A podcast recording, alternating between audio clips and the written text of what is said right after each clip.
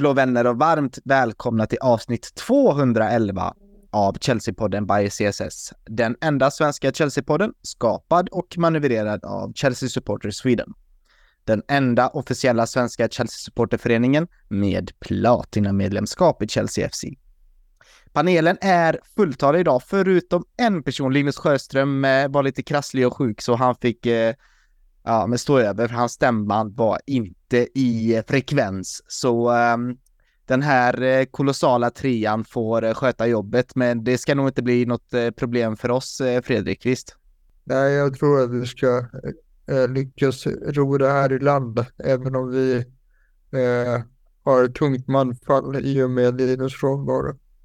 Ja, det är ju oftast han som står för de här eh, känslorna och eh, ja men eh, Alltså Viktor är, eller förlåt, Linus är ju en väldigt, eh, han är väldigt karismatisk i sättet hur han uttrycker sig och han pratar ju som en äkta sån här pubsupporter, Viktor, visst gör han det?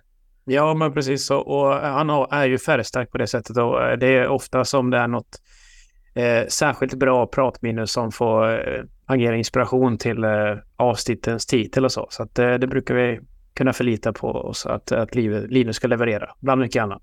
Ja, det är så, ni får, eh, det är liksom han, hoppas du inte tar illa upp nu Linus, eh, nu när du lyssnar här, men det är liksom, han är den här klassiska, eh, men svenska Premier League-supporten som håller på med fantasy och du vet, du vet den, du vet den eh, typen av supporter konsumerar ju väldigt mycket fotboll och så kan man ju beskriva honom som, som poddens krukväxt om han heter Donny Jön. Ja, ja det, det vill inte jag göra det, men ja, jag tycker han har växt, eh, växt större till en större fin palm här eh, mitt i våran eh, poddjungel här som sträcker ut sig och är fin.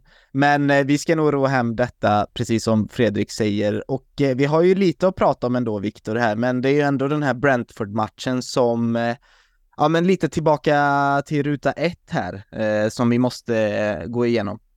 Ja, eh, vi har ju varit eh, på lite av en high eh, de sista veckorna, men eh, Chelsea Heaven, Chelsea Hell är ju en fras som har följt med i årtionden och vi är ju tillbaka i dem, de gängen igen. Mm.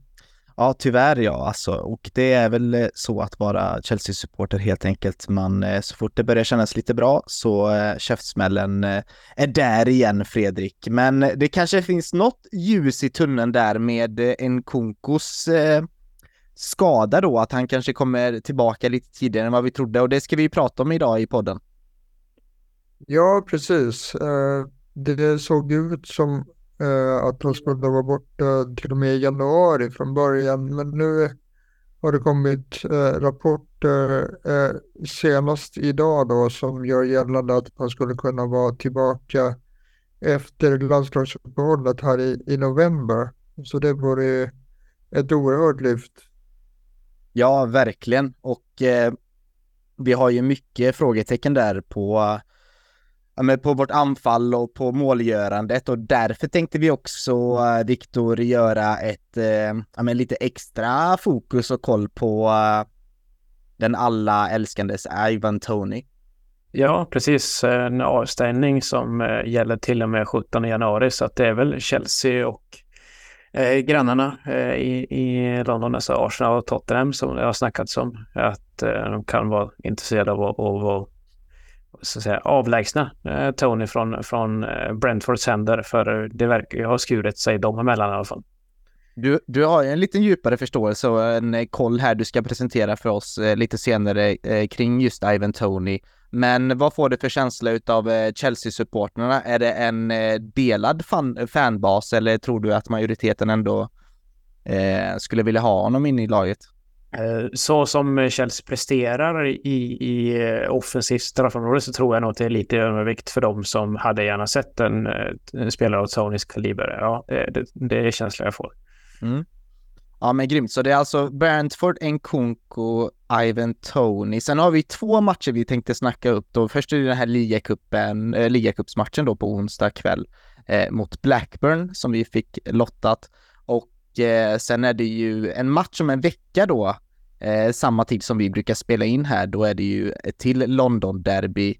Det är tre i rad nu blir det ju eh, med Arsenal, Brentford och alltså Tottenham då. Eh, klockan nio nästa vecka eh, på måndag. Eh, så de två matcherna ska vi snacka upp och eh, jag tycker vi kör igång detta nu så börjar vi med oh, misären mot Brentford.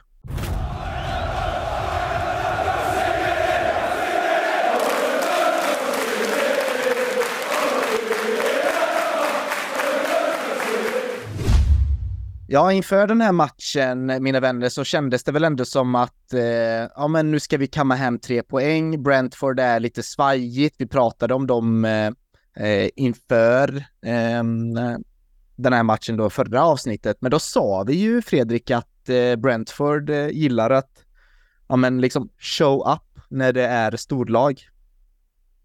Verkligen, och eh, de brukar ju prestera särdeles bra just på Stamford Bridge, tråkigt nog. Och det var ju så det blev här. Eh, det var ju återigen en match med två ansikten kan man säga. Eh, vi presterade ju eh, väldigt bra skulle jag säga i den första halvleken där framförallt Carl Palmer var, var magisk och eh, stod för allt i, i eh, kreativ väg. Eh, men eh, vi lyckas inte få hål på dem och sen i andra halvleken då så eh, presterar vi mycket sämre. Och eh, vi åker även på ett eh, baklängesmål och det kändes egentligen aldrig riktigt nära att vi skulle eh, ta in det utan istället så, så fick Brentford in ett andra mål och därmed så vann de sin tredje raka match på Stamford Bridge. Eh, ja. Det är lite intressant att eh, Thomas Frank har vunnit fler matcher på Stamford Bridge under det här året än, eh, än Frank Lampard och Mauricio Pochettino tillsammans. Ja, det är, ja, det är läskigt när man, när man hör det. Man kan inte tro att det är sant liksom och det är dagen innan, dagarna innan november här vi pratar om 2023. Eh, det är eh, smått sjukt. En annan, precis som du var inne på, så har de alltså vunnit eh, de tre senaste matcherna på Stamford Bridge och de är faktiskt det första laget någonsin att vinna sina första då eh, tre Premier League-matcher borta eh, mot Chelsea på Stamford Bridge alltså. Eh, det är också någonting så antingen kan man ju välja att applådera Brentford eller så kan man ju passa på då, vilket självklart jag tror vi kommer göra i denna panelen, eh, Viktor, att eh, hamra ner vårt egna lag.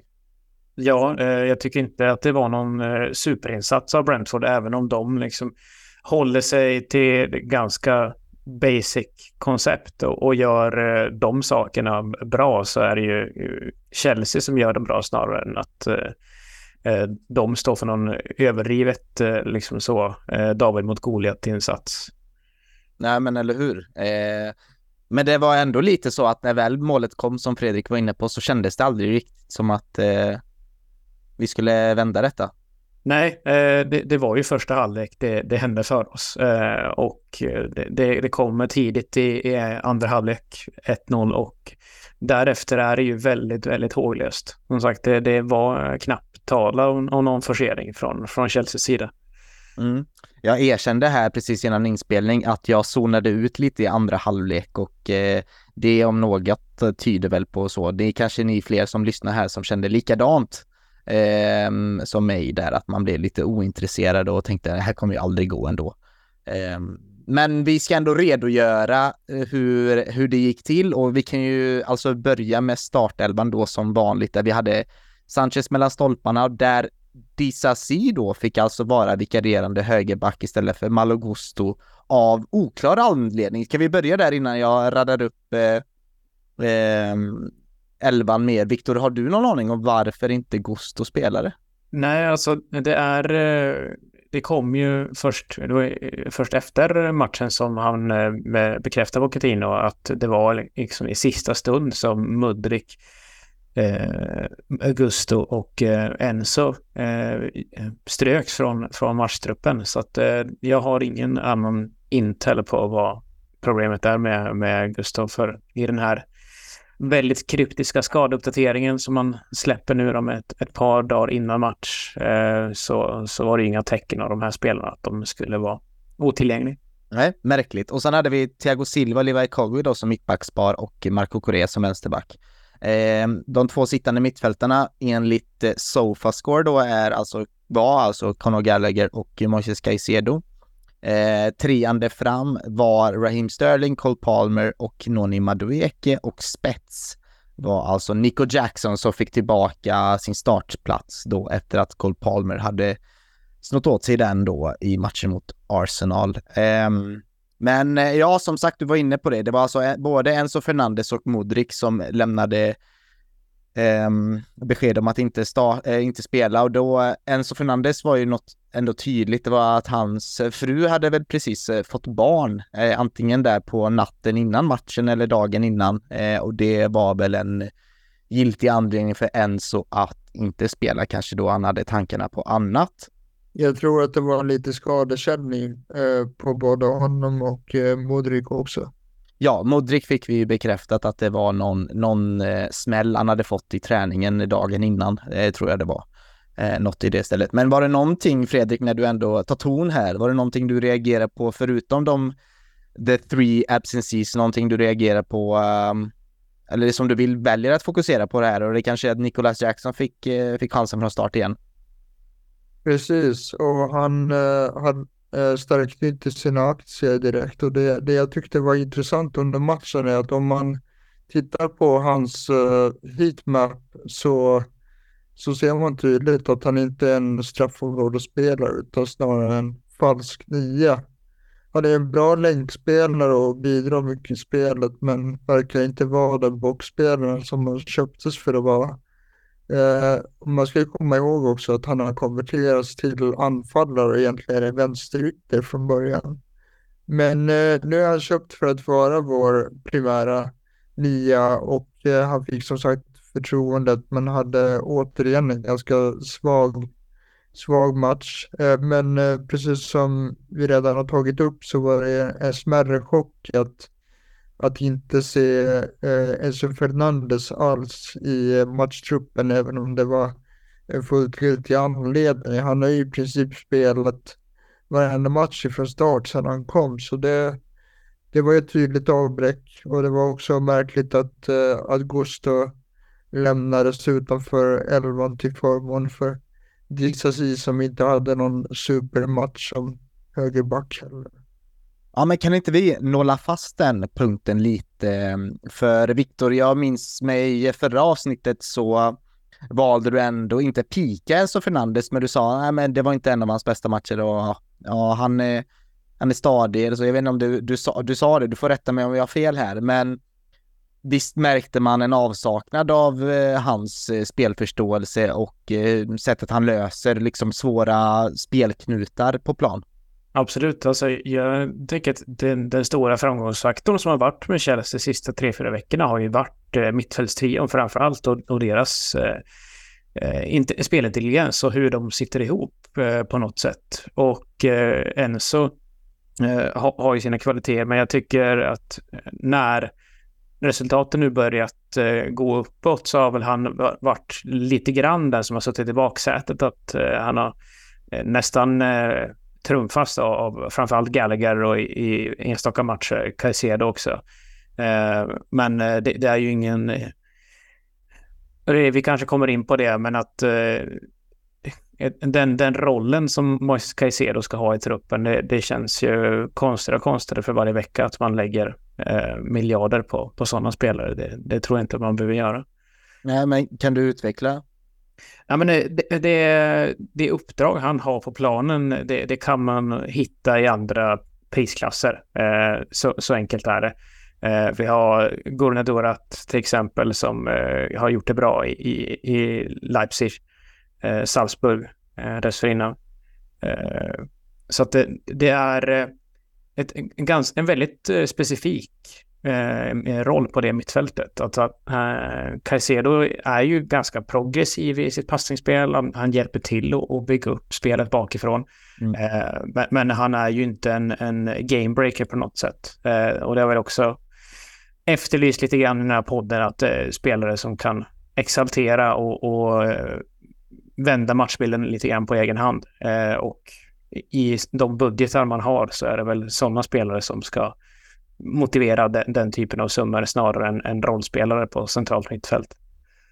Jag håller inte riktigt med dig där alls. Eh, just eh, Caicedos spelartyp är eh, en, en spelartyp som vi har saknat ända sedan vi sålde Nemanja Matic egentligen och en, en sexa då som, som Caicedo kan spela är oerhört central för att man ska vinna mittfältsmatchen och kontrollera spelet. Så jag, jag, tycker, jag tycker ändå att det var motiverat att lägga stora pengar på honom. Och jag, jag ser honom som en exceptionell begåvning och kommer att bli en eh, högst avgörande del i vårt spel när han blivit varm i kläderna. Det är i alla fall min åsikt. Mm, jag tror inte jag eh, riktigt kan eh, skriva under på någon utav er. Alltså eh, Fredrik, din, eh, din tanke med att han är bra bollbegåvad, det håller jag med om. Att han, han skulle vara, att han, att Nemanja Matic skulle vara den senaste spelaren som eh, har hans kvalitet, det skulle jag nog inte vilja säga. Hade vi köpt in Declan Rice så ja, då hade jag väl köpt den jämförelsen. Jag ser mer honom som en, eh, ja men liksom en N'Golo Kanté replacement liksom. Eh, just för att han också kan Just jag, nu baserar jag lite mer kanske på vad han gjorde i Brighton, men sättet han kunde ändå ta bollen från ja, med backlinje eller försvarsområdet då upp till eh, mittplan eller liksom göra progressiva löpningar med just bollen. Ehm, eh, det ser jag i Caicedo är, som är en av hans styrkor just på grund av hans bollbegåvning också, ja, med hans fart med bollen. Eh, och sen Absolut, ja. eh, absolut kan han vara en, en box-to-box-spelare, men jag ser även att han har fysiken och intelligensen för att, för att axla en roll som ensam sex också. Jag tror att han är så pass disciplinerad positionellt eh, på ett sätt som eh, Conte inte var då, eh, för att kunna vara, vara ett ankare på, på mitten och det är väl ändå lite så vi har spelat nu i senaste matchen där vi snarare spelat en 4-3 än 4-2-3. Men jag håller med dig i sak om att han eh, sett till sin spelstil också kan efterlikna Kanté med, med eh, transportera eh, bollen från box till box egentligen. Mm. Men eh, jag, jag, ser honom som, eh, som en spelare som kan utföra båda rollerna och det har vi inte haft de senaste åren. Det har du rätt i. Och jag vill bara förtydliga att jag vill inte lägga resultatet mot Brentford någon, eh, på Caicedo på något sätt. Det är bara att det, det är, vad ska jag säga, det, det, var en diskussion som var aktuell eh, i, i, eh, efter, efter slutsignal och ja, det är väl snarare användandet av resurser som jag ställer mig frågande till. Eh, samtidigt så verkar vi ju vara benägna att slänga pengar på precis alla spelare alltid, så att eh, det kanske inte behöver vara ett problem heller. Men sen ser man ju det också att eh, spelare som, som har de här kvaliteterna går ju upp i pris. Eh, Declan Rice gick ju för, för miljarden precis och vi, vi har haft eh, andra värvningar i samma prisklass. Så jag tror snarare att det är en trend i fotbollen att de här eh, sexorna blir mer och mer uppskattade för vad de tillför eh, till laget. Vi, det, det är lite off topic egentligen. Vi kan ju se eh, tydligt hur, viktig Rodri är eh, med sin roll för, för City. När han inte är på planen så, så funkar inte sitt spel på samma sätt. Och nu, nu har inte den, jag vet inte Caicedo den betydelsen än, men jag tror att han kommer visa sig vara värd eh, varenda krona över tid. Ja, det, det kan jag verkligen hålla med och det tror jag också kommer att hända. Det om man ska bara ta den här Rice versus Caicedo diskussionen då, eftersom jag tidigt eh, och hela året då har ändå ja, men, valt att hylla Declan Rice och sagt att Chelsea, det här, det är det här vi behöver. Så känns det alltså så här, om man ska lägga ett pussel så känns ju han som en bättre pusselbit för detta laget, Declan Rice, än vad Caicedo eh, gör för tillfället. Eh, men med det sagt så tycker jag att eh, Caicedo har en eh, ja, bättre teknisk förmåga egentligen att kunna vara mer anpassningsbar på olika positioner och så vidare och kunna spela i olika eh, format och spelsätt så att säga. Eh, men med det sagt så någonting jag kanske saknar hos Caicedo som Rice har, det är väl eh, Rice uppenbara ledaregenskaper som spelare. Han hade ju liksom kapten i West Ham. Eh, det säger egentligen allting. Det är en eh, tung roll att axla i ett West Ham liksom och han gjorde det med bravur. Eh, men nu ska vi inte fokusera alldeles för mycket på det och egentligen är det ju, precis som ni båda varit inne på, det är inte här matchen avgörs på mittfältet. För vi dominerar ju matchen och det blir någonstans längst upp där att vi inte skapar målchanser och när vi väl gör det så genererar det inte poäng. Eh, varken mål eller assist eh, som vi eh, som vi, vi behöver. Och eh, då finns det ju en person där som har eh, stuckit ut lite extra för oss alla och det är ju värt att nämna Cole Palmer igen ändå, Fredrik, för i denna matchen då, i Arsenal-matchen fick han ju liksom med det här släpande eh, second striker, släpande falsk nia-rollen. Eh, denna matchen var det mycket mer tydlig tia-roll eh, och där var han ju magisk eh, när han styr spelet och hittar sina kreativa lösningar. Han var fenomenal och som jag nämnde tidigare så eh, gick ju allt eh, genom honom och det var han som, som eh, stod för den här gnistan då och eh, skulle egentligen haft en eller ett par assist om bara hans eh, kamrater eh, var lite skarpare framför mål. Eh, och eh, frågar jag mig så är väl det han ungefär som, eh, som kan hålla huvudet högt efter den här insatsen. För han försökte verkligen och var, var fullständigt magnifik i första halvlek. Verkligen, Viktor eh, vi har pratat om att detta kanske är tian vi saknar och nu, nu känns det lite som att vi repeterar mycket vi har sagt i olika avsnitt men eh, visst känns han också bara given i startelvan och att han blir, nu när Nkunku kommer tillbaka och Broja kommer tillbaka, det är ju, han måste in där någonstans. Ja, han måste väl in där och, och nej, men, eh, vi kan ju bara eh, glädjas åt uh, att det är Cole Palmer som tar hem liksom man of the Matches märkes, eller matchens lejon som vi kallar det på, på svenska fans. Så att uh, det, det, är nästan han som, som får hem den varje vecka oavsett vem det är som, som skriver matchrapporten nu. Uh, och frågan är ju då om det är målfrågan som vi ska lösa i och med en Kunkus eh, nära förestående comeback då, eller i, i slutet på november, början på december att eh, om han är, är den, den eh, killen som kan löpa tomt mot bortre stolpen och, och vara på änden av de här eh, fina passningarna och chanserna som Cole Palmer eh, fabrikerar. För eh, det, vi behöver ju inte nödvändigtvis fler spelare i elvan som, som vill ha bollen på fot hela tiden. Mm. Nej, någonting jag kan se, jag tror det var, för denna gången så hade jag faktiskt och kolla på Viasats eh, sändningar, så var det Martin Åslund tror jag som kommenterade matchen och han nämnde någonting om att han eh, jag tror det var någon gång i andra halvlek han sa shit vad han överarbetar saken ändå, Cole Palmer och vill liksom lösa alla problem, gå djupt in i banan, vill ha bollen vid mittcirkeln och eh, verkligen vill diktera spelet. Eh, och det, där ser man ju, då tänkte jag bara, ja men det är bara för att det inte är en som spelar, tänkte jag. Liksom det, annars är det ju han som är i den positionen.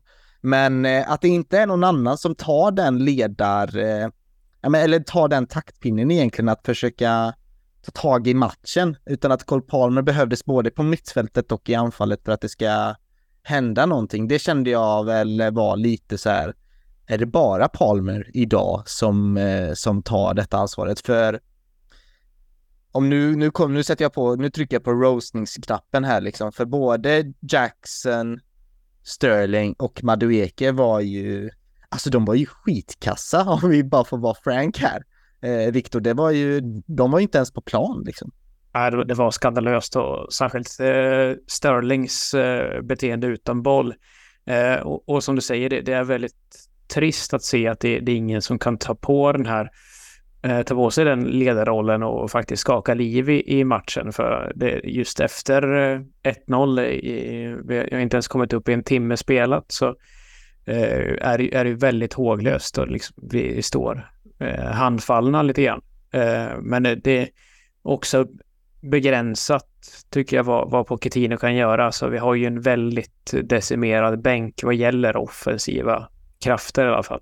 Jag vet inte om det hade hjälpt bättre att kasta in Alex Matos eh, snarare än, än eh, Ugo Chukwu och Martsen. Eh, Martsen gör ett skandalöst dåligt inhopp, ska sägas, eh, om vi ändå har motorsågen framme. Fy tusan vilket... Eh, nej, horribelt inhopp han gör. Inte ett rätt hörn. Nej, och det, det kan ju appliceras på många som spelade denna matchen och eh, också lite mot Maurizio Pochettino ändå, va Fredrik, för att eh, alltså har man inte lyckats reda ut hur man ska liksom köra över eh, eh, ett sånt här lågt stående försvarsspel, då att man liksom inte fortfarande har löst det eller vet hur man ska lösa det. Det var ju den känslan man fick efteråt också, att när Pochettino svarade på frågan på både presskonferens och journalister. Eh, han sa nej, men vi spelar ju bättre mot eh, typ Liverpool och Arsenal och sånt där. De, de matcherna, då är det klart att vi spelar bättre när vi har yta att springa på. Det är det det här laget är designat för. Men att han inte kan skapa ett spel, jag vet inte om det är truppens fel eller om det är hans fel, men jag väljer ändå att peka lite finger på Pochettino här. Absolut. Eh, det är väl inget eh, specifikt problem för honom egentligen. Det här är någonting som vi haft i, i flera flera säsonger egentligen, men eh, jag håller absolut med dig om att han borde kunna eh, hitta mönster att eh, dyrka upp de här försvaren. Eh, sen är det klart att det, det blir svårare utan eh, Esse Fernandes till exempel som, som lägger de här tidiga djupledsbollarna. Men eh, helt oaktat så tycker jag att den där elva som vi eh, ställer ut idag ska ju kunna eh, dyrka upp Eh, Brentford. Det som eh, eh, gör mig väldigt förvånad är att hela världen vet ju hur Brentford spelar. Att de står lågt och sen går på kontring och använder sig av fasta situationer. Alla vet det och vi har haft en vecka på oss att förbereda oss inför den här matchen och ändå så, så ser det ut som det gör. Och vi åker dessutom på ett baklängesmål i i samband med en fast situation. Och det tycker jag under all kritik att vi inte kommer bättre förberedda med en tydlig gameplan för att uh, dyrka upp deras defensiv. Ja, jag minns initialt efter matchen så gick jag i en direkt så här försvarsposition i Pochettinos folk, för jag, jag fick känslan av att det var, det var dags att liksom börja såga Pochettino och hans taktik lite, men jag, jag gick ju direkt i försvarsposition och tänkte om jag bara ska säga bänken här, ni har varit inne på det lite, eh, både du, eh, du Viktor och framförallt, men alltså Ian Matsen, Rhys James, Leslie Ugochukwu, David Washington, Petrovic, Eddie Beach, Benoit Badiashil, Malogusto, Alex Matos. Det är alltså bänken.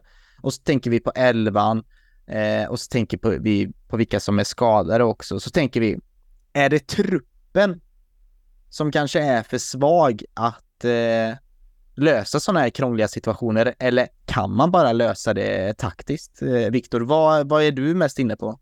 Ja, men eh, såklart, eh, Pochettino har alternativ när han formerar sin, sin startelva. Det, det har han ju. Och ändå udda när han, han kastar in Dissasi på, på högerbacken när han har fått, eh, fått bra utväxling på att spela Kukureya där tidigare. Eh, som han tycker har, att det har funkat så pass bra med Colwell till vänster och Korea till höger, att det är det valet han gör i, i lördags. Eh, och eh, återigen så är det två målvakter på bänken. Egentligen så är det det man borde hänga Pochettino för om något, tycker jag. Det är, det är skandalöst fortfarande att, att eh, det tillåts på något sätt. Eh, ja, det, det, är eh, samtidigt fotbollsmatcher är 90 minuter, men eh, och, och vi ska ju inte vara så bortkopplade som vi är efter eh, Brentfords ledningsmål. Alltså att eh, vi ska inte vara tvunget att vi gör det första målet för att vi ska ha en chans. Eh, och, det märkte vi alla liksom att när det målet gick in så, så började vi nästan halvt ge upp fast halva matchen var kvar. Men att den, den uppställning som Pochettino väljer, den, den vaskar ju ändå fram flera klara målchanser i första halvlek. Så att vi har ju chansen att döda matchen där och då det, då dyrkar ju faktiskt upp Brentfords försvar. Eh, men det är ju Kukureya som får någon chans. Det är väl inte han som ska vara den som stöter in dem. Nej, efter en oerhört fin passning utav eh, Palmer och det var liksom andra gången gilt där för han gjorde en liknande passning Eh, mot Sterling var det va, där Sterling eh, inte vann den duellen då. Och så, eh, ja, andra gången så då löpte både Sterling och Correa in. Och eh, ja, då gick det inte fram heller. Så nej, men sen var det ju Madueke som hade ändå en ganska vass chans där som han skapade ändå för sig själv och eh, det här Madueke-figuren är ändå ändå rätt intressant eh, spelare att prata om just för att han eh, han liknar ju väldigt många olika spelare. Han liknar både Callum Hudson-Odoi i sättet hur han eh, är lite avig, lite så här dribblig och lite techers i han liksom. Eh, men samtidigt så, ha, så verkar han ju vara grymt eh, Robben-vänsterfotad också, Fredrik. Ja, det Madueke saknar eh, så här långt är ju slutprodukt. Eh, för han är, han är väldigt duktig i en-mot-en-situationer och är väldigt avig och dribblig som du säger. Eh, det som vi såg från Callum Hudson då i, i början men som sen avtog mer och mer. Eh, så han har ju absolut eh, kvaliteter i sina take consoles. Det är bara den där sista passningen eller skottet som, som måste bli bättre. Eh, det var ju rätt oturligt att han satte den här i ribban nu, men eh, det är någonting jag skulle vilja se mer av från eh, Madueke. Och det är väl här Poch kommer in med sitt renommé om att utveckla unga spelare så att man kanske ser till att man övar på den där slutprodukten, vilket han saknar just nu. Viktor, har du några reflektioner kring Noni Madueke? Ja, men, eh, nu var det ju hans insats bara i dryga timmen, men jag, tycker det är starkt ändå att eh, han, han står för den typen av eh, insats när han har ändå varit ganska djupt nere i frysboxen i, i flera veckors tid här nu. Att eh, Pochettino har kört eh, ganska hård behandling med, med eh, egentligen bara eh, Madueke, men att han kliver ändå in och, och tar för sig eh, här mot Brentford. Så det, det ska han väl ha plus i kanten för, kan jag tycka. Mm. Jag kan nog förutspå fler frysboxar när eh, Carnage Chukwemeka, Modric, Sterling, Nkunku och eh, alla är friska, eh, tror jag. Om det ser ut så här som det gjorde i lördags mot eh, Brentford. Och eh, någonting som är banbrytande med den här matchen ändå, mina vänner, det är ju att det är faktiskt första gången den här eh, säsongen där Chelsea inte vinner expected goals-fighten. Eh, det är ju ändå rätt eh, anmärkningsvärt, utan det är Brentford som går hem med 2,16 och eh, Chelsea har alltså 2,03. Dock ja. så hade vi mer expected assist där. Jag tror att, vad är det, Brentfords 2-0, är det, är det 2,5 XG på den chansen? ja. ja, precis. Det är ändå eh, ganska schysst att passa där utav, är det Mopay som passar tror jag eh, i slutet. Man kan eh. nog säga att vi vann bollinnehavet i alla fall. Det var ju eh, otroligt uppseendeväckande att eh, mellan minut 55 och 70 så var alltså bollinnehavet 92 procent mot 8 procent. Men eh, här visar ju Brentford att man behöver inte äga bollen nödvändigtvis för att vinna matcher. För det är ändå inte tu tal om att, om att eh, resultatet är, är förtjänt eh, till sist. Och den här typen av kollaps som sker i i den andra halvleken, den har vi sett så pass många gånger att man inte längre kan prata om tillfälligheter och otur, utan det börjar ju bli ett, ett mönster och det, det, får, eh, det får ju Pochettino ta på sig på något sätt. Han måste, han måste lösa det. Det, det är alltså uppgift. För det, det kan inte se ut så här i match efter match. För då, då blir det som sagt inte tal om tillfälligheter och ren otur, utan det, det är ett mönster som sagt. Ja, och det var vi också inne på lite innan vi började spela in här, för Viktor, alltså vi hade alltså tio hörner. De hade en hörna. Nu var det inte så att de gjorde mål på sin enda hörna, men det var ändå från en fast situation där eh, från ett inkast då där 1-0 eh, kommer in då och du var lite inne på det både du och Fredrik här, att eh, vi är oerhört svaga på defensiva fasta. Ja, och det, det har ju varit. Eh, det, det, är inget som enbart är någonting som Pokerino ska lastas för, men eh, han får väl en skopa av skiten för att han inte lyckas förbättra det. Men det, det spelar ingen roll i vilken ända av planen. Vi är eh, helt horribla på, på både offensiva och defensiva fasta situationer och det är precis som att Stamford Bridge har varit ett ointagligt fort i, i flera års tider på, på 2000-talet så har ju eh, varit ett verkligt adelsmärke för oss. Så det är upprörande nästan hur, hur, eh, hur alltså, vi är så dåliga på, på fasta. Det är, eh, och Brentford som, som Fredrik nämner är ju ett av ligans absolut bästa lag på fasta situationer. Så det var ju en väldigt dålig eh, matchup på det sättet. Mm. Nu, nu kanske inte vi har varit så jättebra på att prata om detaljerna i matchen, men jag vill ändå liksom hålla, hålla diskussionen lite mer abstrakt, för jag tycker att det kanske ger lite mer för lyssnarna, för alla såg den matchen antar jag.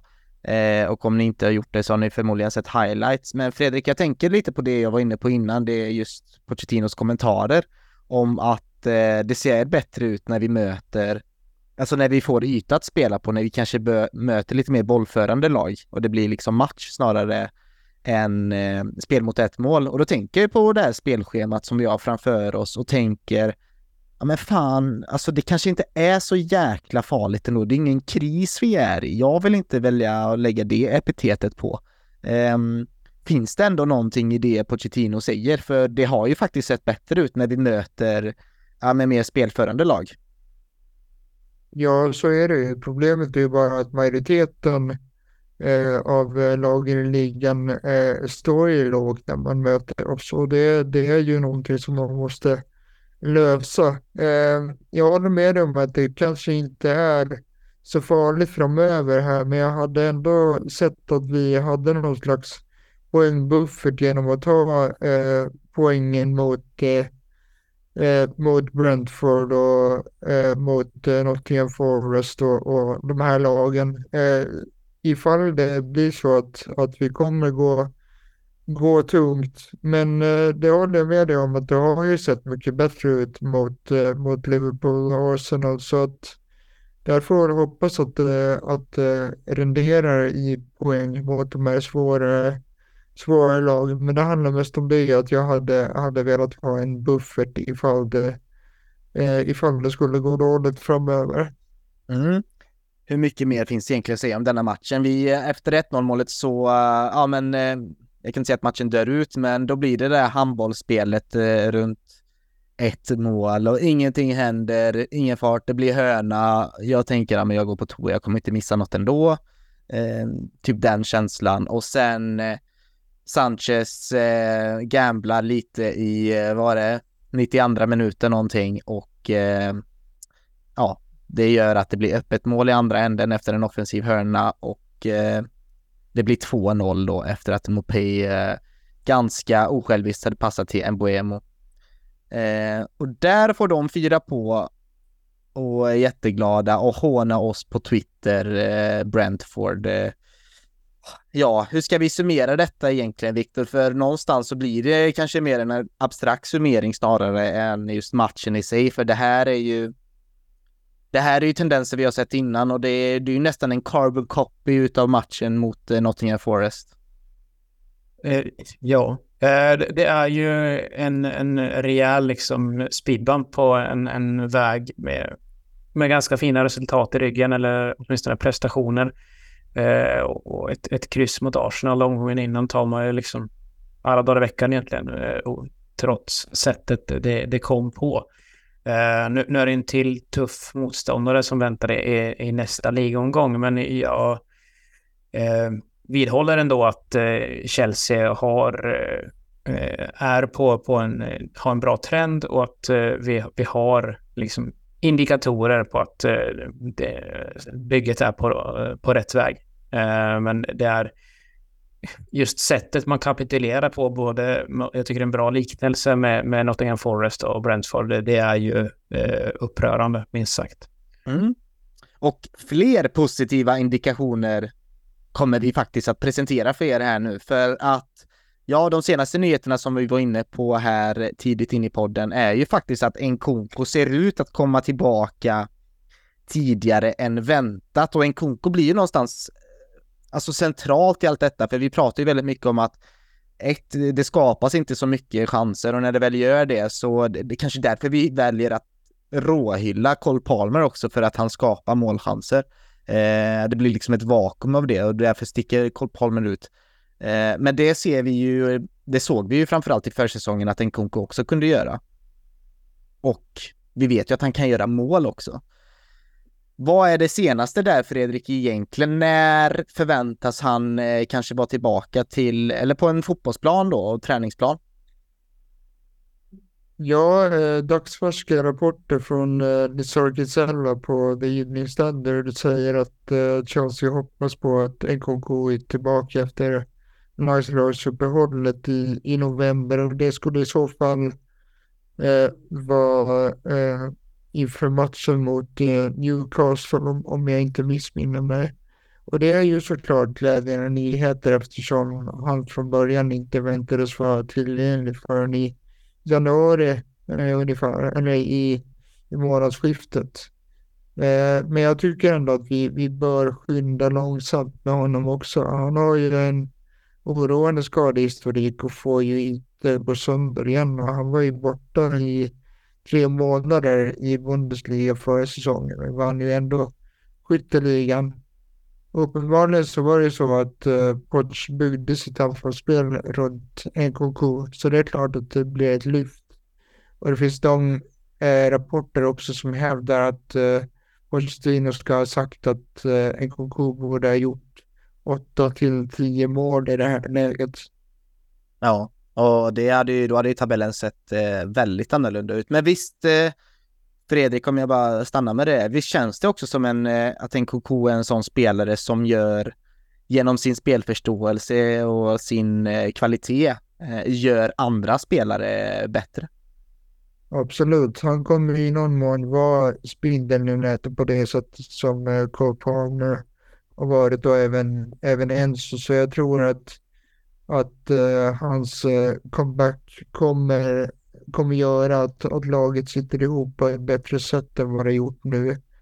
Eh, däremot så ska vi bära med sig att det blir ju en, eh, en otrolig press på honom att leverera nu. Och han, eh, han ses ju som någon slags messias för oss. Men jag tror att det jag hoppas lite på för mycket att, att det enbart hans comeback ska vända hela vår säsong. Men det är klart att eh, förutsättningarna kommer att se bättre ut med honom i, i laget. Det kan nog ingen förneka. Mm, och det var faktiskt min näst, eh, nästa fråga. Du, var ju, du sa ju ungefär det jag tänkte på, men Viktor, jag vänder mig till dig då. Är det kanske lite så att en, alltså supporterna för, alltså förlitar sig kanske lite väl för mycket på en offensiva förmågor och hans nycklar egentligen och den här pressen eh, som kommer sättas på honom kommer ju bli ganska naturligt lagd. Ehm, men också den här eh, sjuka förväntansbilden som inte bara kanske vi fans har, men som hela England eh, verkar ha på honom. Ja, jag vet inte riktigt. Vi, vi ska prata lite om Kunko och sen uh, Ivan Tony. Att det är ju inte en uh, slaget i sten liksom att alla vill ha så mycket förändringar eller att, uh, att Tony är eh, välkommen enligt precis hela supporterskaran eller att en Kunko ska in i startelvan vid första bästa tillfälle utan eh, det är ju fram till, fram till alldeles nyligen så har ju Raheem Sterling och även Mikael Mudrik tycker jag alltså stått för, för bra prestationer och, och som sagt Cole Palmer den klarast lysande stjärnan eh, på, på eh, vad ska jag säga, eh, i sista tredjedelen. Så att eh, ja, förväntningarna, eh, alltså en spelare av en konkurs kaliber eh, kommer ju kunna eh, norpa åt sig eh, en, en, plats i elvan. Eh, så, så, är det ju. Men att eh, jag, jag, tycker ändå det har fan, eh, funnits eh, så pass många eh, prestationer av, av, bra kvalitet att man kan skynda långsamt med honom just med tanke på, på skadan. att man inte stressar in honom i, i matchtruppen för tidigt. Mm. Du nämnde ju tre offensiva spelare där, eh, men du nämnde ingen Jackson och ingen Broja heller. Och är det kanske så då, lite som vi fick se tendens på under försäsongen, att han eh, då kanske får eh, nya roller? Det, det hade ju kunnat varit någonting, särskilt i och med att eh, Chelsea alltid, alltså, jag ska inte säga, men allt som oftast har, har mest bollinnehav i matchen. Att när man möter lågt stående försvar Eh, Eh, så, så gör det kanske inget om det är en eh, mindre forward eh, som, som eh, leder linjen där framme. Och det varken Broja eller Jackson har ju visat sig vara någon, någon dominant i luftrummet. Så det är ju inget som vi går förlorat där, om, om så skulle vara fallet. Nej, precis. Sen har vi också sett eh, prov på det, Fredrik, att många topplag i Premier League och i världsfotbollen då Eh, ändå lyckas spela bra offensiv fotboll, även fast man inte har de här tydliga nio targets liksom. Nej, det har ju varit en trend i världsfotbollen kanske de 10-15 senaste åren att man, eh, att man spelar med en eh, falsk nia då. Eh, City har ju gjort det väldigt effektivt eh, i många år i Premier League innan man fick in Haaland då att, att spela, spelare utan en uttalad nia. Ehm, så det är absolut ett alternativ för oss eh, som är värt att eh, överväga om det är så att eh, Kopp fortfarande presterar så pass bra att det är omöjligt att peta honom och samma sak med Modric. Och eh, sen ska ju Sterling såklart in i den ekvationen också så då, då blir det kanske naturligt att, att sätta in Koko som, som nia. Eh, eller så blir det att han, att han spelar lite som en, som en falsk nia då. Men jag, jag vidhåller ändå att han, eh, han gör sig som bäst i eh, nummer 10-positionen där han får vara bakom en utpräglad striker. Men det är absolut en, en möjlighet som vi ska titta närmare på tycker jag. Mm, hans fina symbios och kemi med Nico Jackson som han lyckades eh, kamma hem efter några träning, träningar och matcher i försäsongen eh, tyder ju ändå på någonting eh, stort och eh, fin potential där. Men eh, jag tycker vi skiftar fokus då från eh, den här matchen då och eh, Nkunku och eh, blicka framåt till vinterfönstret, Viktor, för att jag har ju länge varit en förespråkare för Ivan Tony, det vet ju ni som har lyssnat på denna podden. Och eh, nu verkar det ju bli eh, ja, men lite mer eh, vad ska man säga, lite mer fakta på bordet här, att det kanske kan ske någonting till, eh, till vintern. Ja, precis. Eh, och eh, där, som sagt, det är ju, Tottenham har ju fortfarande inte riktigt ersatt Harry Kane och Arsenal har ju är konsekvent i den här rapporteringen om, ja egentligen sen Brentford gick upp till Premier League legat i framkant när det har snackats om, om Tonys nästa klubbadress. Men det, där är ju Chelsea med i allra högsta grad och vi snubblar över en, en eh, väldigt eh, väl sammanställd genomgång lite grann av eh, The Athletic med, med tre olika eh, författare som har samarbetat om. Men eh, de försöker ju någonstans eh, svara på frågan vad är Ivan Tone? Eller mm. vilken typ av spelare, mm. vad, vad kommer han bidra med? Är han lösningen på det, det Chelsea saknar? Så det är väl lite grann det jag kan, kan basera det på. Eh, jag kommer såklart lägga till mina egna eh, åsikter också om, om huruvida det är en, en bra idé att, att eh, plocka in honom. Ja.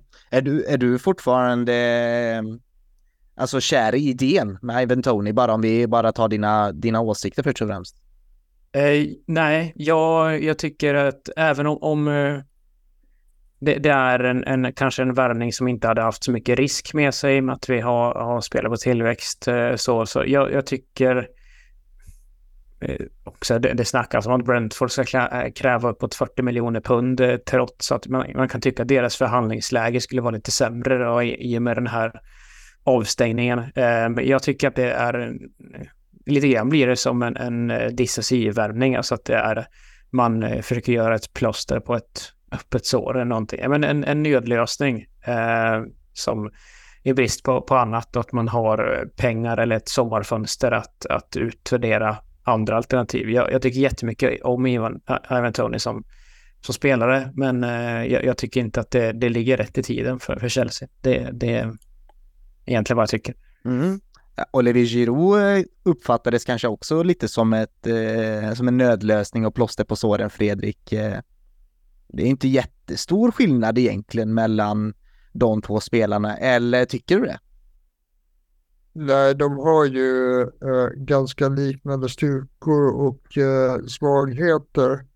Äh, jag vet inte, men jag, jag, eh, jag ser nog äh, Osimhen som det mer säkra kortet, även om, även om man, man vet att att det inte finns några säkra kort när det gäller eh, världsklassanfallare i Chelsea. Minst sagt inte, inte minst eh, med tanke på det senaste debaclet med eh, en viss eh, Romelu Lukaku. Men jag, jag skulle nog se att vi har eh, Victor Osimhen som, eh, som vårt första alternativ och eh, löser sig inte det så tror jag att eh, då kan vi titta på, på Ivan Tony. Mm. För vi, vi vet ju att uh, Ivan Tony har gjort det väldigt bra i, i Premier League de senaste säsongerna. Men uh, till skillnad från Osimhen så har han ju aldrig varit i en, i en toppklubb så vi vet inte riktigt hur han skulle prestera i den miljön. Uh, och skulle jag komma med ett stalltips så är det nog att han går till Arsenal. Han eh, nämnde det nyligen i podcasten eh, The Diary of a CEO. Han även pratade om, eh, om, sitt eh, bettingfall då, att han, eh, att han eh, varit ett Liverpool-fan hela livet men att han på senare år har eh, uppskattat Arsenal. Så att jag, jag tror nog att han skulle, skulle välja eh, det eh, i så fall. För om man tittar rent objektivt eh, så är det ju så också att eh, att uh, han har, uh, alltså det, det är fler pusselbitar på plats i Arsenal just nu. Och som du, du nämnde Patrik så var det, du ville lyfta fram Olivier Giroud och det var ju en, en spelare som eh, The valde att lyfta fram som, som eh, jämförelse med Ivan Tony lite grann vart de spelarna befinner sig i, i, i det här spelet av karriären, stadiet av karriären och kanske när Giroud då kom till Premier League. Eh, I och med att deras facit i luftrummet är likvärdigt eh, och att de är då spelare, eh, eller forwards sagt, som har blommat ut lite senare i karriären, vilket i sig inte är något ovanligt för, för den positionen. Nej, men precis. Och eh, nej men, eh, sagt, eh, han är eh, väldigt eh, stark i luftrummet. Eh, och det, det, handlar ju både om straffområdet och eh, längre ner i, i banan. Eh, gjorde alltså 20 mål i Premier League i fjol. Det var eh, länge sedan vi hade en, en spelare uppe på, på de siffrorna. Eh, och jag har ju lite grann flaggat i, i tidigare avsnitt om att han gör lite väl många av dem på straff. Men han gjorde 6 av 20 ligamål på straff då. Eh, men att de här 14 målen som han gjorde i öppet spel, eh, det är eh, egentligen i, i snitt. Det, det, är ungefär så mycket han hade i non-penalty goals, eller XG. Så att han är effektiv och han gör mål på de, de chanser som ska göra, göras mål på. Och det, det som är värt att säga med Antoni också efter att han Eh, släppts då från Newcastles organisation var det väl från början att eh, han har eh, svarat upp på varje utmaning som har ställts inför honom egentligen. Att han har ökat sin kapacitet och, och väx, växlat upp för varje ny klubb eller ny liga som han har fått testa på. Så att det, det är ju en väldigt intressant spelare och han är ju signifikant med, med Brentfords klättring genom seriesystemet. Om du bara kollar rent eh, objektivt då, skulle han kunna vara lösningen på våra målproblem tror du? Uh, vi, vi, skapar ju faktiskt chanser. Vi behöver någon som sätter dit dem. Så att uh, jag tycker att det är en, det är en nödlösning. Uh, och det, det, som sagt, det finns nog många som är benägna att ta den dealen. Liksom att ja, men så länge vi, vi gör mål på våra chanser och börjar plocka trepoängare i Eh, betydligt större utsträckning än vad vi gör nu så får vi väl hantera en, en, en, eh, lite tjock trupp eh, nästa sommar. Så får man kanske rensa ut, ut där då. Så att det, det, det i teorin, ja, det, det hade han absolut kunnat göra. Han, han har bevisat sig på den här nivån och är en, en, en forward som Eh, just hans effektivitet också, hans eh, andelen chanser han förvaltar är ju bättre än exempelvis Marcus Rashford och eh, Gabriel Jesus. Det är något som lyfts fram här i, i artikeln vi refererade till tidigare. Så att eh, ja, jag tycker att Chelseas problem ligger ju inte i att vi eh, skapandet av chanser, att vi inte kan bryta ner låga försvar, det är att vi inte förvaltar dem. Ja. Men Fredrik, jag tänkte komma till det här, för är du lite inne på Viktors linje där att han är en quick fix bara? Du gjorde det tydligt med med Osimhen, eh, det, jag förstår det, det håller jag ju med dig om att han eh, helst hade man ju velat ha Osimhen. Eh, sen får man ju inte välja och vraka precis som man vill. Eh, det är inte fotboll manager och finns Ivan Tony-möjligheten där så ser jag, jag tänker så här, han är 27 år. Eh, han har fortfarande ganska mycket fotboll i sig ändå om man tänker efter just för att som du precis nämnde Fredrik ändå, att anfallet åldras ju ändå ganska väl i den moderna fotbollen, speciellt eh, i den, med den spelstilen som Tony har. Eh, nu försöker jag inte eh, vara någon propagandamaskin här för Ivan Tony alldeles för mycket, men om du ändå tillåter dig att underhålla idén lite mer så känns det väl ändå inte helt dumt att gå för Tony. Nej, eh, jag tror ju att eh, han kommer eh, göra som en profilvärvning då. Eh, om, man, om man väljer honom så kommer han vara den uttalade startande nian. Eh, jag tror att man, att man ser på det så i, i klubben nu att vi behöver en, en etablerad spelare. Eh, det som blir intressant är väl då om vi i så fall väljer att eh, gå emot den här eh, värvningspolicyn som vi har haft under Bowley-eran. Just det. Uh, det dök ju upp några rykten om att vi hade uh, valt bort uh, James Madison för att han var över 25 år då. Och om man tittar på vårt värvningsfacit så har vi mestadels uh, värvat spelare som är 23 år eller yngre. Så att det skulle i så fall vara ett trendbrott om man väljer Osimhen. Eh, nej, förlåt, eh, Ivan Tony menar jag förstås. Eh, sen ska man säga det också gäller hans prislapp att eh, Fabrizio Romano sa ju till eh, Card Offside idag att eh, Tony kommer kosta minst 60 miljoner pund för intresserade klubbar i, i januari. Och det är ju ändå en ganska saftig prislapp på en spelare som, som eh, då inte kommer att ha spelat fotboll på, på ett bra tag. Eh, sen så skulle Osimhen förmodligen kosta det dubbla. Så då är frågan vilken avvägning man gör där. Men, men jag, jag tror inte att klubben ser Ivan Tony som en quick fix eh, om han värvas utan då kommer det nog vara eh, för att vara den uttalande nian eh, ett antal år framåt. Sen beror det så, eh, såklart på om han presterar eller inte. Ja, nej det är eh, faktiskt intressant eh, ja men eh, tankeverksamhet där och jag reagerar faktiskt lite när du sa det att han skulle då eh, plockas in som en profilvärvning. Ja, det hade han ju fan gjort alltså det och det hade han bara varit en i mängden lite så hade det nog känts lite bättre men det det kommer han nog inte vara. Det ligger något i det du säger Fredrik och det, det, då ökar ju pressen ännu mer på honom att leverera och göra mål. Precis, det är väl det som är problemet att det är ju väldigt många spelare som, som inte lyckats uh, svara upp mot de höga förväntningarna att vara Chelseas nya och uh, jag vet att, uh, att Viktor har en lite annan åsikt i den frågan. Men jag, jag vidhåller att den här eh, förbannelsen över eh, Chelseas nummer 9 kvarstår.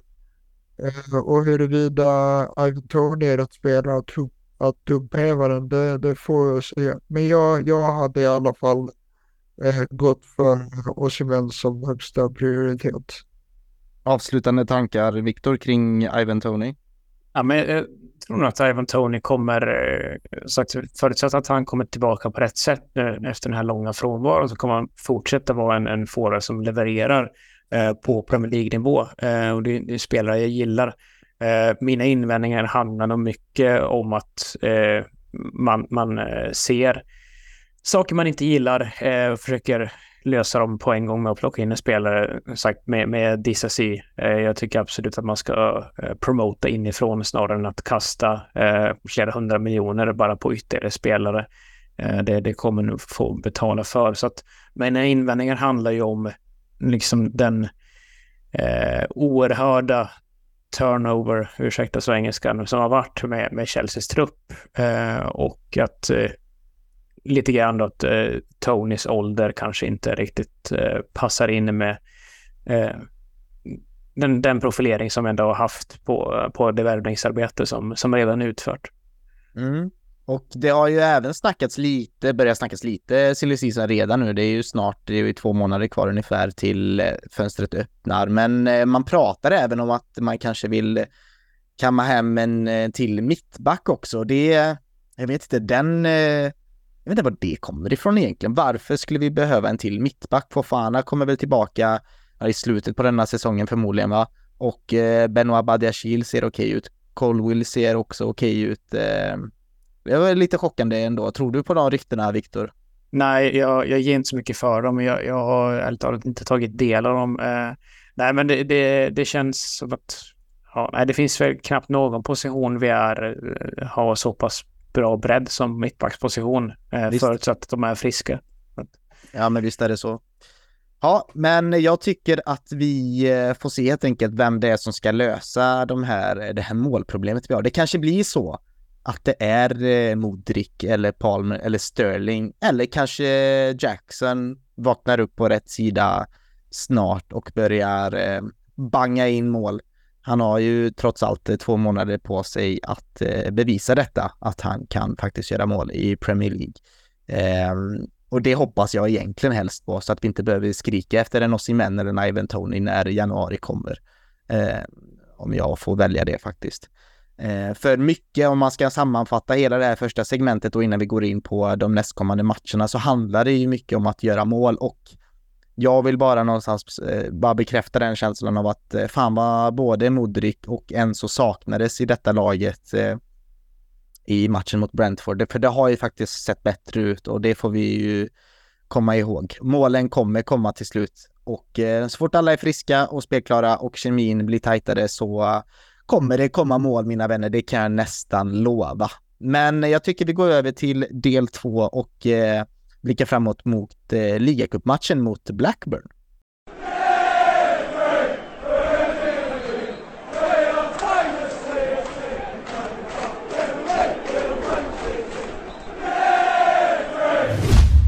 Ja, det var dags för ligacup igen och kanske chans för eh, Pochettino att eh, vädra laget lite, eller om det behövs. Vi spelar inte så himla ofta. Vi spelar inget Champions League. Vi har inget Europaspel denna säsongen, vilket är lite lustigt och lite konstigt eh, när man är Chelsea-supporter. Det är någonting man är van vid att man ska spela kanske två gånger i veckan, men då får vi ju nöja oss med ligacupen.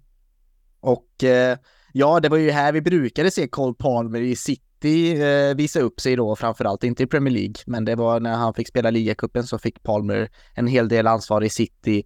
Eh, men det kanske blir så att han får vila denna matchen. Frågan är vilka som eh, ska få chansen från start. Ska Matsen, eh, Fredrik, få chansen att eh, motbevisa sina kritiker och ta lite revansch?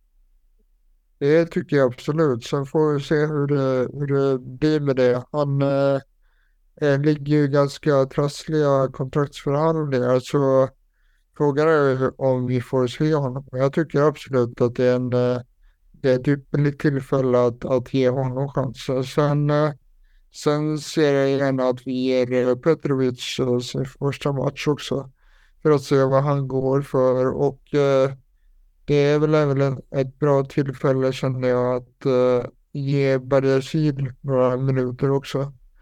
Däremot så tycker jag inte att eh, Rich James borde starta utan ett inhopp med en halvtimme kvar så känns mer, mer rimligt för att, eh, för att eh, eh, återintroducera honom eh, långsamt. Mm, det var visa ord tycker jag, men eh, jag tycker också att Nico Jackson borde få, eh, få chansen att starta igen och få lite självförtroende om han då eh, får näta in någonting. Ja, han eh, har, ju, har ju nätat i, i ligacupen eh, tidigare så att eh, det, det, är ju bra om man kan hämta självförtroende för eh, sagt, vi, vi kommer behöva honom eh, i, under säsongen och att han, han gör sina mål så att eh, de får väldigt gärna komma från, mot Blackburn också. Eh, ja. Visst. Mm, detta blir alltså, blir det typ åttondelsfinal blir detta nu? Eller ja, det blir det va? Eh, och eh, vi möter alltså Blackburn efter att ha slått ut Wimbledon och eh, efter det, alltså Brighton, det var då vändningen började någonstans med den där Brighton-matchen. Eh, och så gick vi på det här vinsttåget då efter det. Eh, vad tror vi om eh, tendenserna denna matchen eh, och eh, vad kommer att vad kommer Blackburn ge oss för match eh, tror du Viktor? De ligger på en tolfte plats i ligan eh, i Championship då, där man har sex vinster, en oavgjord och sju förluster. Eh, det tyder ju ändå på att det är lite, lite skakigt och svårt att veta vart man har eh, detta 50-50 Blackburn. Ja, lite gung-ho. Nej, men som du säger, precis i, i mitten av tabellen och eh, har ju Jon Dahl Tomasson som huvudtränare än så länge. Eh, får, får se vart, eh, jag, jag ska säga att jag vet inte vart deras förväntningarna på det här laget eh, låg inför säsongen, men de, de har ju ändå på senare år haft eh, stunder där de varit uppe på, på eh, playoffplatser. Eh, att eh, de har aspirationer på, på övre halvan. Eh, om så är fallet i år eh, är jag nog inte rätt person att fråga. Eh, de har spelat rätt konsekvent, men 4-5-1 eller 4-2-3-1 den här säsongen. Eh, så den, den går nog att balansera lite olika eh, beroende på motstånd. Eh, jag eh, ska, ska säga att eh, de kan ju lika gärna komma med en, en eh, fembackslinje till Stamford Bridge. Det, det händer när, när EFL-lag kommer till en, en Premier League-arena. Eh, lite eh, kuriositet att eh, de har en eh, svensk målvakt som kommer med, med all sannolikhet starta, Leopold Wahlstedt. Som, lite doldis, men att han kom till England och via en sejour i, i norsk eh, klubbfotboll. Eh, så att, ja, det, det finns eh, lite Sverigekopplingar i den här upplagan av, av Blackburn i alla fall. Ja, och de har ju en spelare som är eh, ganska het ändå måste man säga. Det är väl han Sami Simodic. Eh, som med sju gjorda mål då eh, leder den interna skytteligan. Eh, som offensiv mittfältare då. Precis, precis. Eh, nej men eh, nu, nu torskar de mot eh, Swansea senast. Eh, de, de slog eh, QPR för ett par omgångar sedan. Så QPR som eh, sedvanligt är eh, kanske Englands bästa kaosklubb. Eh, så att nej, de, de är svåra att eh, placera även i, i en Championship-kontext. Och, och ja, Stryktipskupongerna är ju svåra att eh, tippa av en anledning. Man, man vet inte var, riktigt vart man har de här eh, lagen. Det, det, de är oberäkneliga. Och, och, det stämmer nog in på, på Blackburn också. De har ju lite eh, intressanta ägare kan man säga. Det är fortfarande det här indiska eh, kycklingföretaget eh, Så Jag kommer ihåg när de tog över att de hade ju väldigt högt flygande ambitioner om att eh, Blackburn skulle föras till Champions League och att de skulle värva Ronaldinho Eh, och allt vad det var. Eh, det blev inte så mycket av det, men jag noterar nu att de fortfarande äger klubben. Vi ska ja. inte glömma att eh, de är ett av är det sex lag som har vunnit Premier League sedan den stöptes om där från gamla First Division. Så att det, det är ju en, en klubb med, med anor då såklart mycket längre tillbaka än så. Men just med, med Venkis heter, heter det familjen va? Att det är en av de bästa supporterprotester som man har sett när de eh, hotar in en höna insvept i en eh, Blackburn Rovers-flagga på planen. Eh, det är klassiskt Premier League-ögonblick. Mm. Vi får se om de har någon chans att eh, nå Premier League. Det är ju ett, en klubb man kan sakna i Premier League och det har ju precis som du säger eh, Viktor eh, mycket anor och historia i den engelska fotbollen.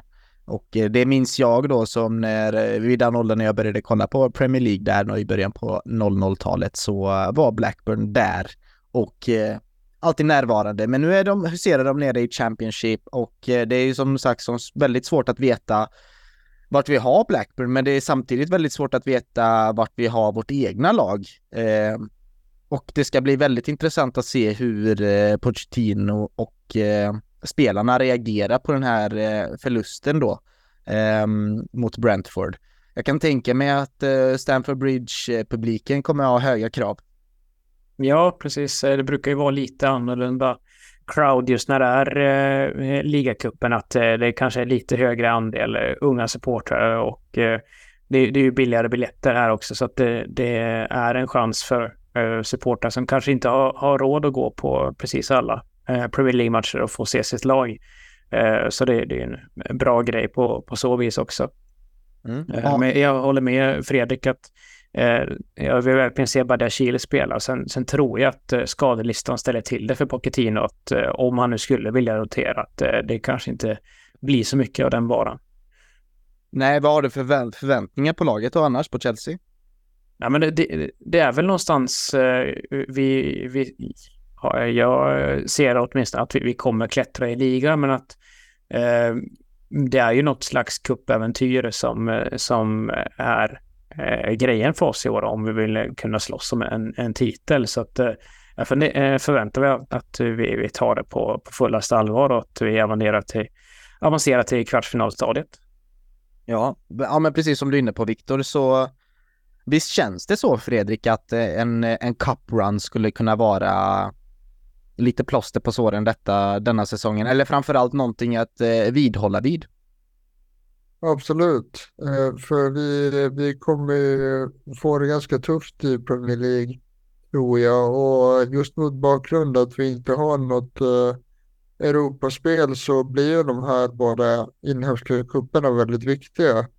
Eh, så jag ser det som av stor vikt att vi, att vi går så långt vi kan i i ligacupen och det är ju ungefär här runt åttondelen som det börjar brännas och allt fler lag åker. Så ja, jag tycker absolut att vi ska ta det på, på stort allvar den här säsongen. För det, det, är, det är ju ligacupen och eh, FA-cupen eh, där vi har våra realistiska titelchanser och det hade ju varit någonting som verkligen eh, skulle båda gått till för framtiden om vi, om vi skulle gå och, och vinna en av de här cuperna. Så det, det tycker jag absolut att eh, det ska vara målsättningen. Så vi har ju också ett eh, helt horribelt facit på Wembley de senaste försöken som vi har varit där. Så om vi kunde ta oss dit och eh, faktiskt ta revansch på den usla eh, sviten så vore det väldigt, väldigt välkommet. Ja, det är väl den enda svarta fläcken på Tuchels eh, vackra Chelsea-resa ändå. Det är väl förlusterna mot eh, Liverpool då i båda cupfinalerna.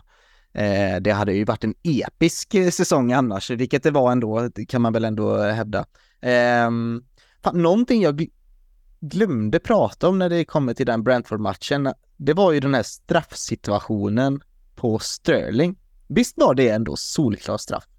Ja, det, det, är, jag vet inte om man fick se alla de bilder som har kommit ut typ på förhand. Jag såg att det var, var det Football Daily eller några som hade eh, diskuterat det nu, men eh, de, de, bilder som kablas ut här, åtminstone under dagen, eller om det var under, under söndagen, eh, så, så ser det ut absolut som att det är eh, ja, men, eh, Stonewall penalty. Alltså.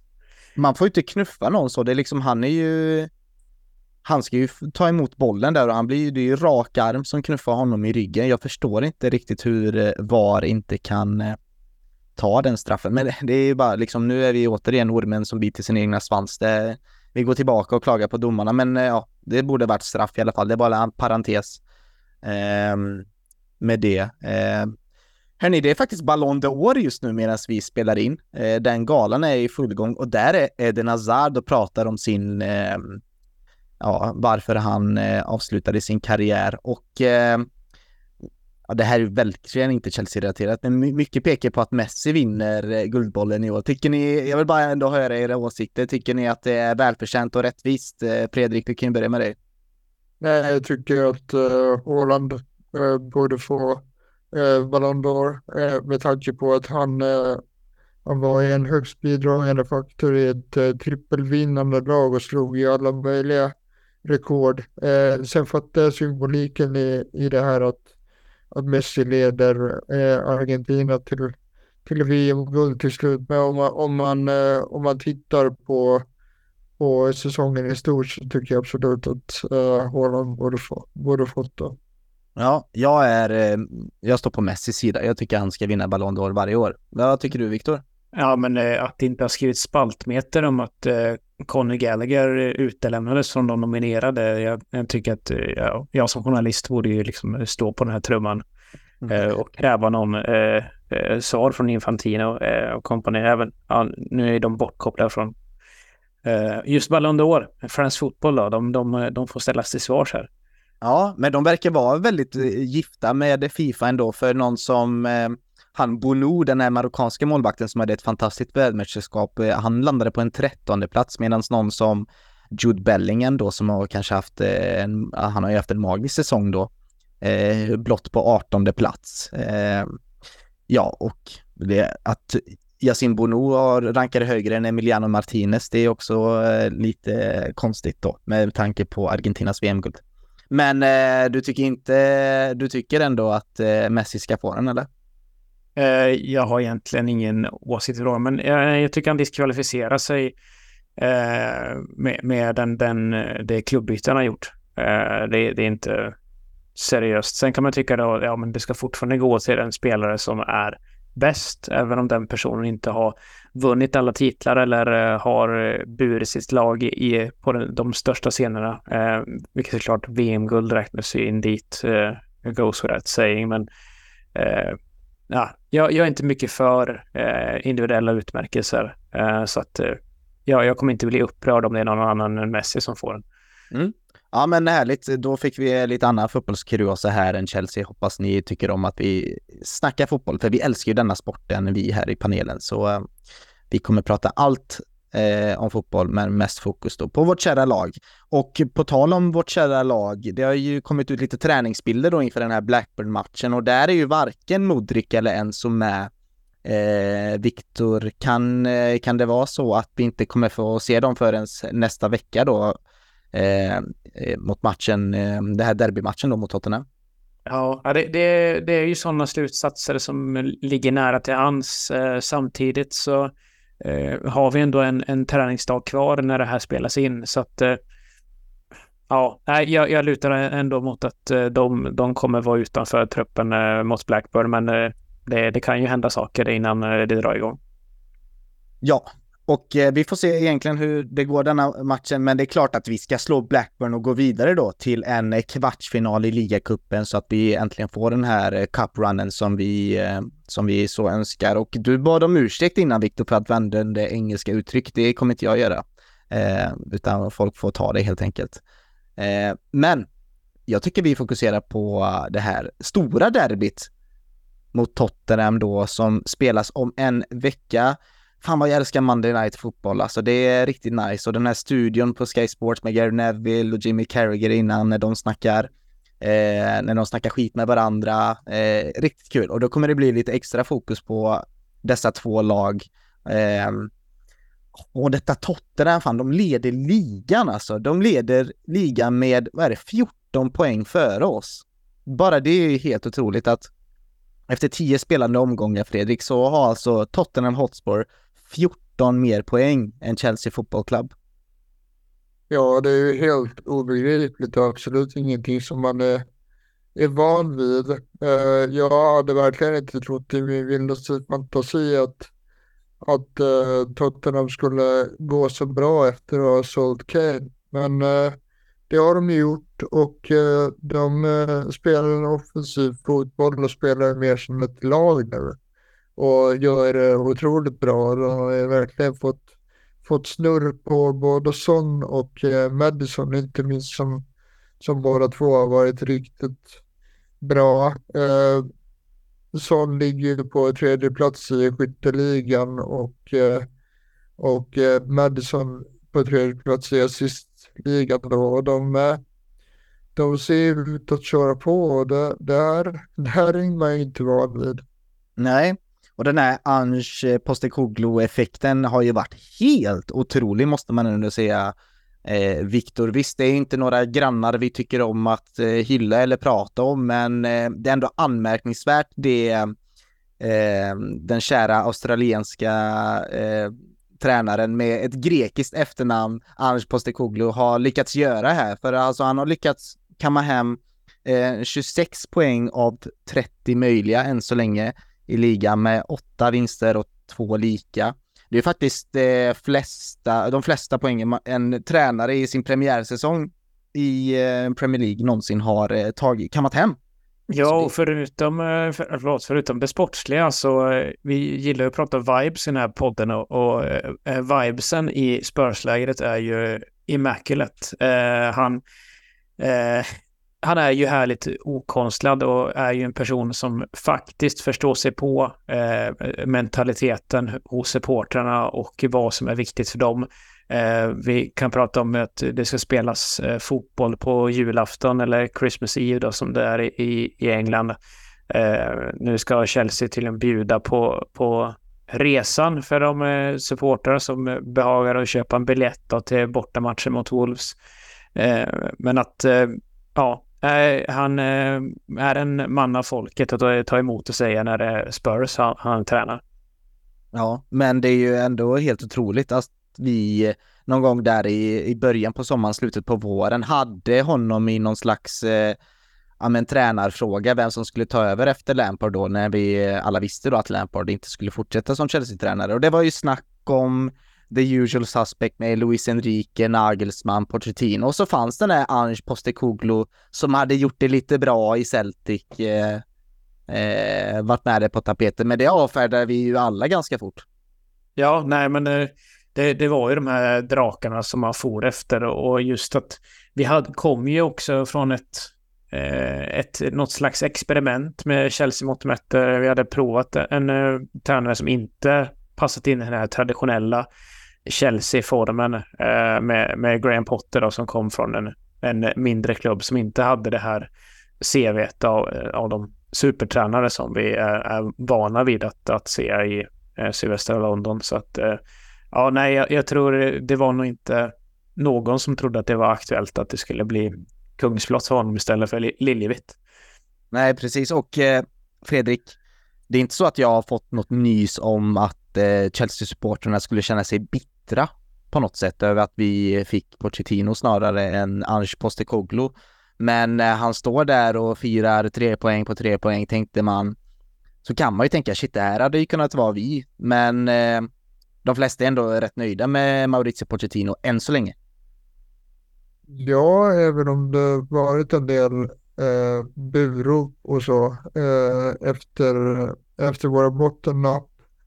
Eh, men det visar ju att, att eh, ledningen hade något på spåren när man trots allt hade Alch Postecoglou på den här eh, shortlistan då.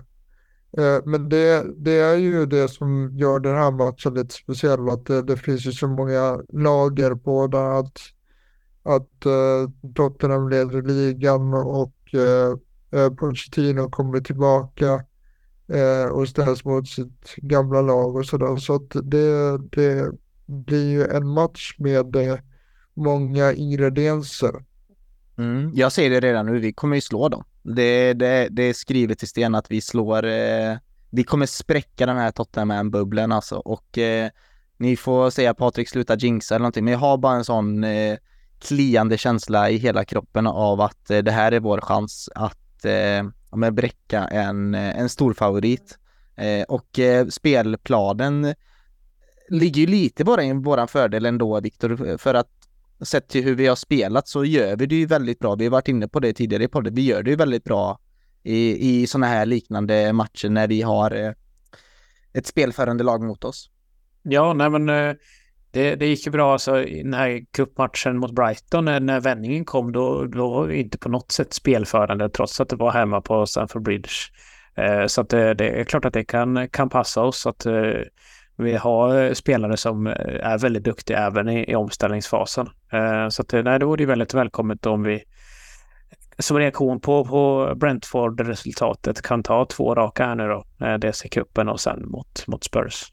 Mm. Lite Tottenham-koll då. Där finns ju några spelare som har verkligen stycket ut. Ni var ju inne på Madison eh, som har haft en briljant eh, säsongsinledning än så länge, men också någon som eh, Humingson då som har tagit Harry Kanes frånvaro med bravur egentligen och har lyckats skapa ett partnership med eh, både Madison och Kulusevski och eh, till viss del också Richarlison som eh, får eh, ja, hitta tillbaka sitt självförtroende. Men det finns ju två spelare som jag kanske vill lyfta upp, eller tre spelare, eh, förutom de här i offensiven då som jag vill lyfta upp. Eh, och då är det den här målvakten då, Vicario, som men så länge är han väl en av säsongens värvningar måste man ju nästan kunna tycka. Och Bissoma känns ju också åter eh, på nyttfödd snarare under Ange Postecoglou. Eh, Bissoma som värvades in från Brighton för ett par år sedan. Eh, samma med, eh, vad heter han, P Sar va? Mal inte Malang, inte Malang Sar, det är ju våran spelare. Eh, men deras, Papesar ja, tack. Eh, det är de tre där egentligen som eh, som har gjort det här Tottenham mer stabilt, Fredrik?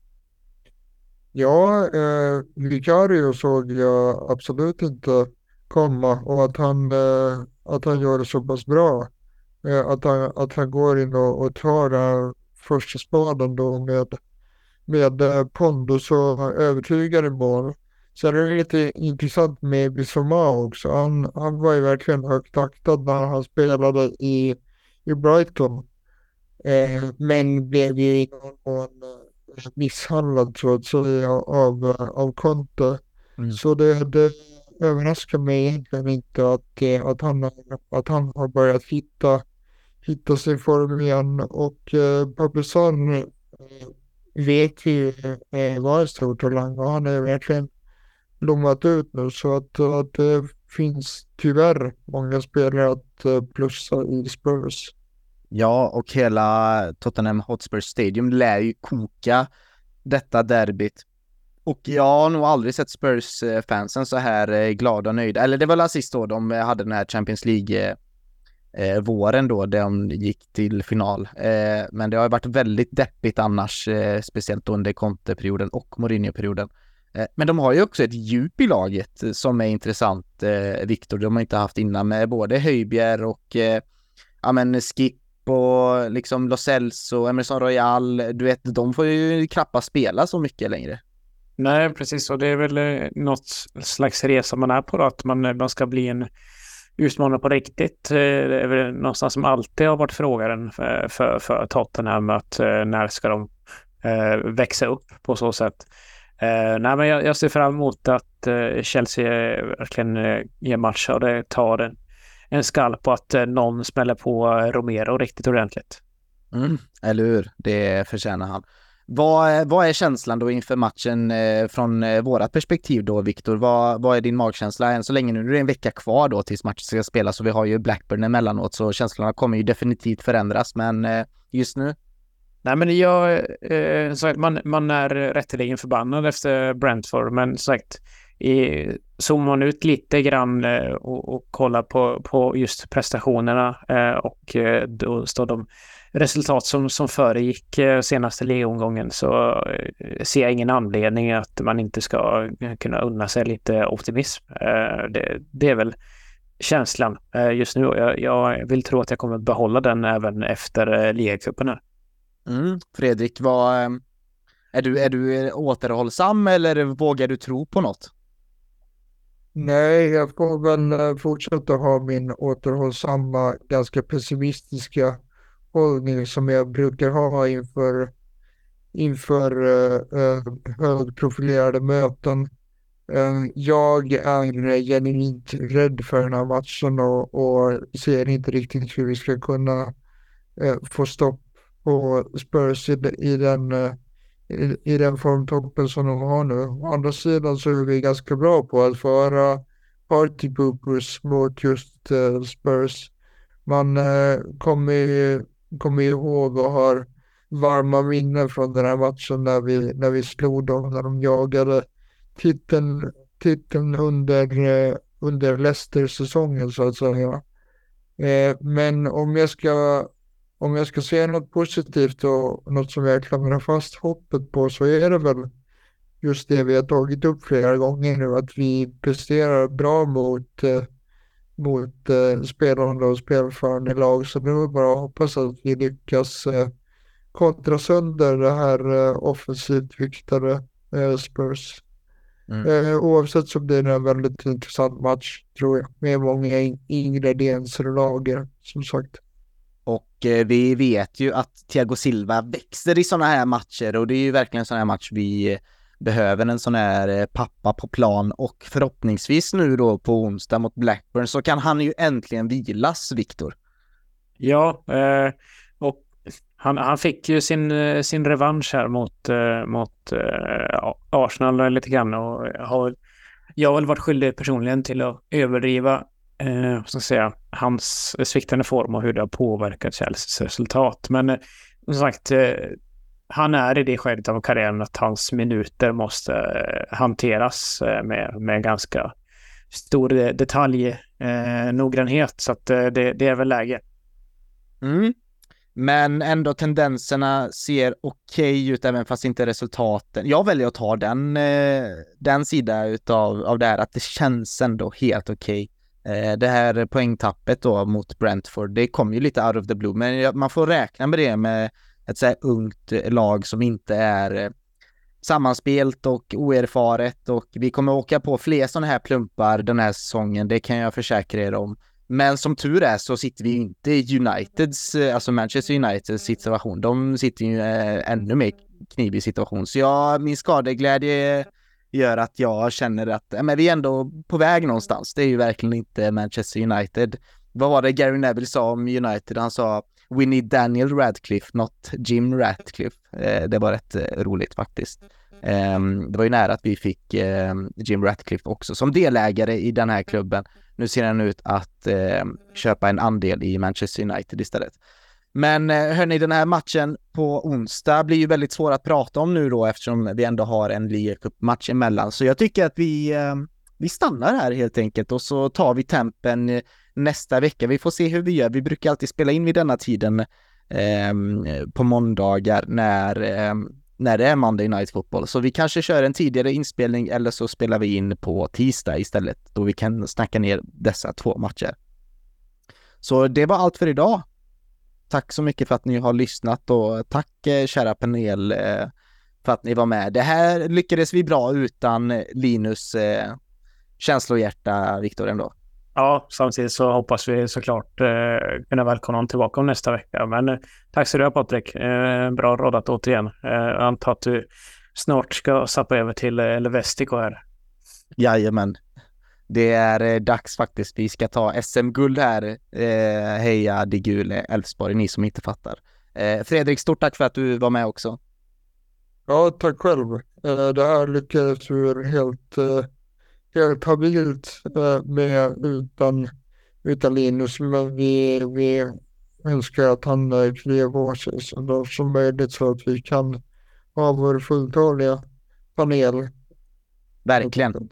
Verkligen, han har verkligen saknats. Och är det någonting ni saknar eller vill förändra med podden eller göra den bättre eller bara ge oss positiv kärlek och feedback så eh, gå in i våran, eller gå med snarare i våran eh, Facebookgrupp då som heter Chelsea-podden by CSS där ni kan, eh, ja men liksom kommentera avsnittet, ni kan likea det, ni kan dela det och framförallt ge oss feedback då. Eh, på om ni har några tips på några gäster ni kanske skulle höra i podden och så vidare och så vidare. Sky is the limit. Eh, ni kan även gå med i våran Discord och följa oss på Twitter. Jag kommer länka alla våra sociala medier och liknande i poddbeskrivningen som vanligt om ni inte vet vart ni ska hitta allting. Eh, ett annat sätt att bidra självklart är att bli medlem i Chelsea Supporters Sweden eh, och gå även in på vår svenska fans då på svenskafans.com e Chelsea där du kan ta del utav eh, den kommande införrapporten då mot eh, Blackburn som säkert redan är ute när den här podden är eh, lanserad, vem vet? Om ni vill veta mer om den ligacupmatchen så kommer Viktor att skriva en bra införrapport där. Vi, eh, redaktionen brukar också skriva lite krönikor och analysera matcherna efteråt då. Eh, så gå in där och ta en titt tycker jag. Stort tack för att du har lyssnat och ha en fortsatt trevlig dag, kväll, natt, morgon, liv. Keep the blue flag flying high.